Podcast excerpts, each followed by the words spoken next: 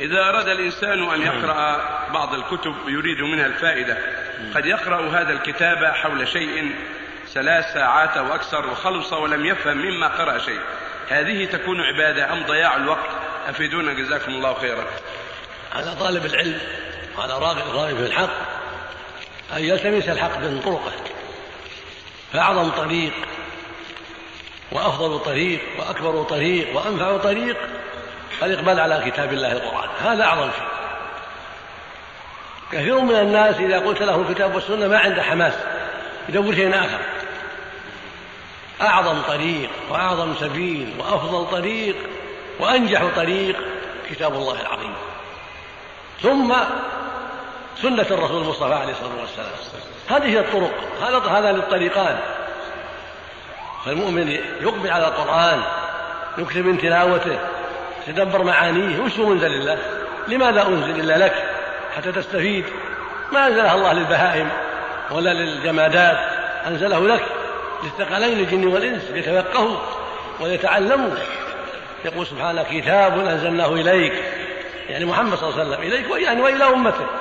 أنزل إليه لينتفع به هو وهو كتاب أنزلناه إليك مبارك ليدبروا آياته وليتذكر أولو الألباب. ويقول سبحانه أفلا يتدبرون القرآن؟ من هم؟ أنت الجن والإنس هم اللي يتدبرون ما هم البهائم. أفلا يتدبرون القرآن؟ أم على قلوب أقفالها؟ ويقول سبحانه إن هذا القرآن يهدي للتي هي أقوم. قل هو للذين آمنوا هدى وشفاء. فعليك يا أخي أن تقبل على القرآن وأن تكتب من تلاوته وأن تدبر معانيه تقف عند الآيات. يقول إن هذا قل يهدي التي هي أقوم وش معنى يهدي التي هي أقوم يعني يدل الناس على الطريقة التي هي أقوم يرشدهم فالتمس من هذا الكتاب الهداية. واسأل ربك أن يفقهك ويعينك ويمنح قلبك الفهم الصحيح. ما أنزل عبث. قل هو للذين آمنوا هدى وشفاء.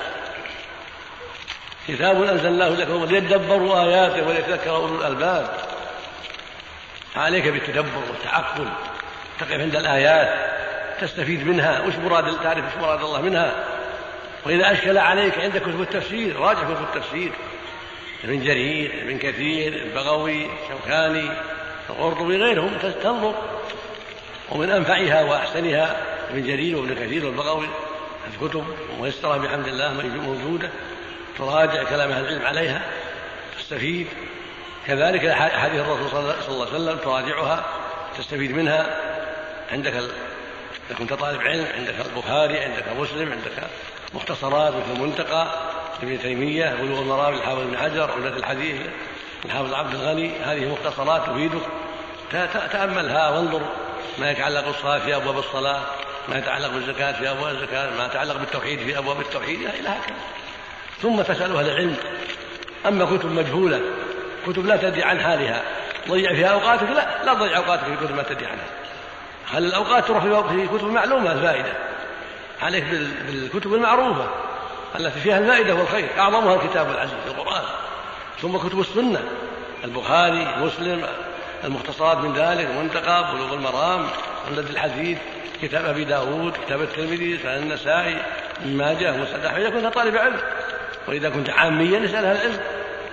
أكثر من القرآن وتدبر القرآن لعلك تستفيد واسأل أهل العلم عما أشكل عليك. أما تطلب كتب جدت بين الناس ما تدري ما حالها تضيع أوقاتك فيها لا.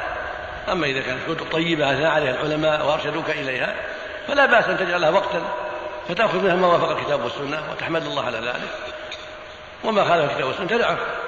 فبعض الكتب تفيد ترشد إلى الكتاب والسنة تعين على فهم الكتاب والسنة تعين على فهم الأحاديث الصحيحة والضعيفة ما لا بأس. لكن بعض الناس يضيع أوقاته في مجلات في جرائد يومية. في كتب لا لا قيمة لها. حتى أهلها لا يعرفون بالفضل ولا بالعلم. تذهب أوقاته ليلا ونهارا في مجلة من أولها إلى آخرها في خرافات وضلالات أو أشياء لا قيمة لها أو في كتاب مجهول أو في كتاب ضال مضل أو في غير ذلك. وعنده كتاب الله فيه الهدى والنور. وعند سنة الرسول فيها الهدى والنور. وعند كلام أهل العلم المعروفين بالهدى والعلم يتركهم جانبا.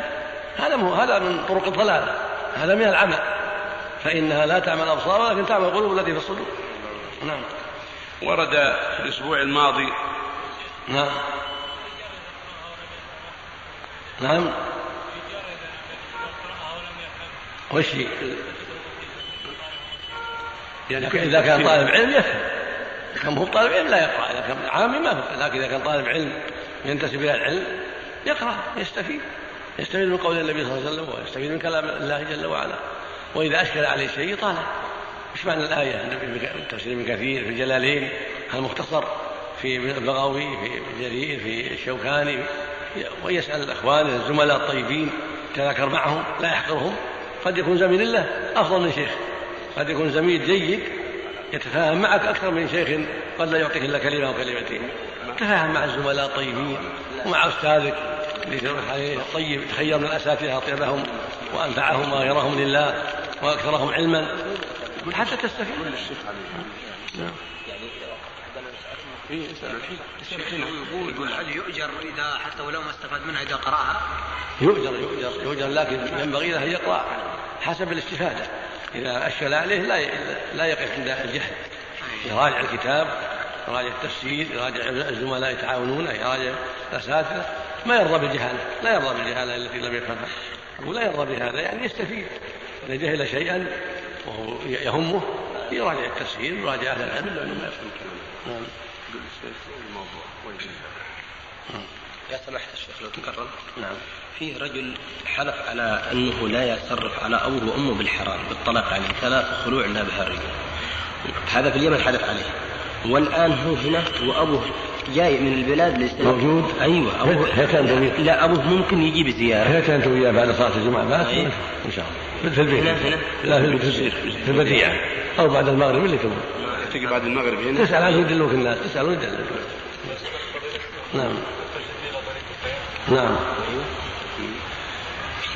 نعم ما هو سؤال؟ من هو؟ ولا كلام مش هو برشاد هذا الكلام اللي سمعته مو برشاد وش الارشاد هذا الارشاد عندك شيء يشكل عليك؟ بينا لك الكتب. يعني. بينا لك الكتب ومن الكتب الطيبة أيضا زاد المعاد من القيم سمى زاد المعاد في هدي خير العباد كتاب طيب. كتاب التوحيد عقيدة الواسطية فتح المجيد شرح كتاب التوحيد. القاعدة الجليلة شيخ الإسلام ابن تيمية. هذه كتب في العقيدة في العقائد. زاد المعاد في العقائد والأحكام جميعا. في أدب المشي الصلاة للشيخ محمد عبد الوهاب كتب أخرى عمدة لابن الموفق في الفقه. ولكن إذا سألت أهل العلم ويبينون لك العلم اللي عندك تعرفهم طيبين تسألهم عن بعض ما أشكل عليه.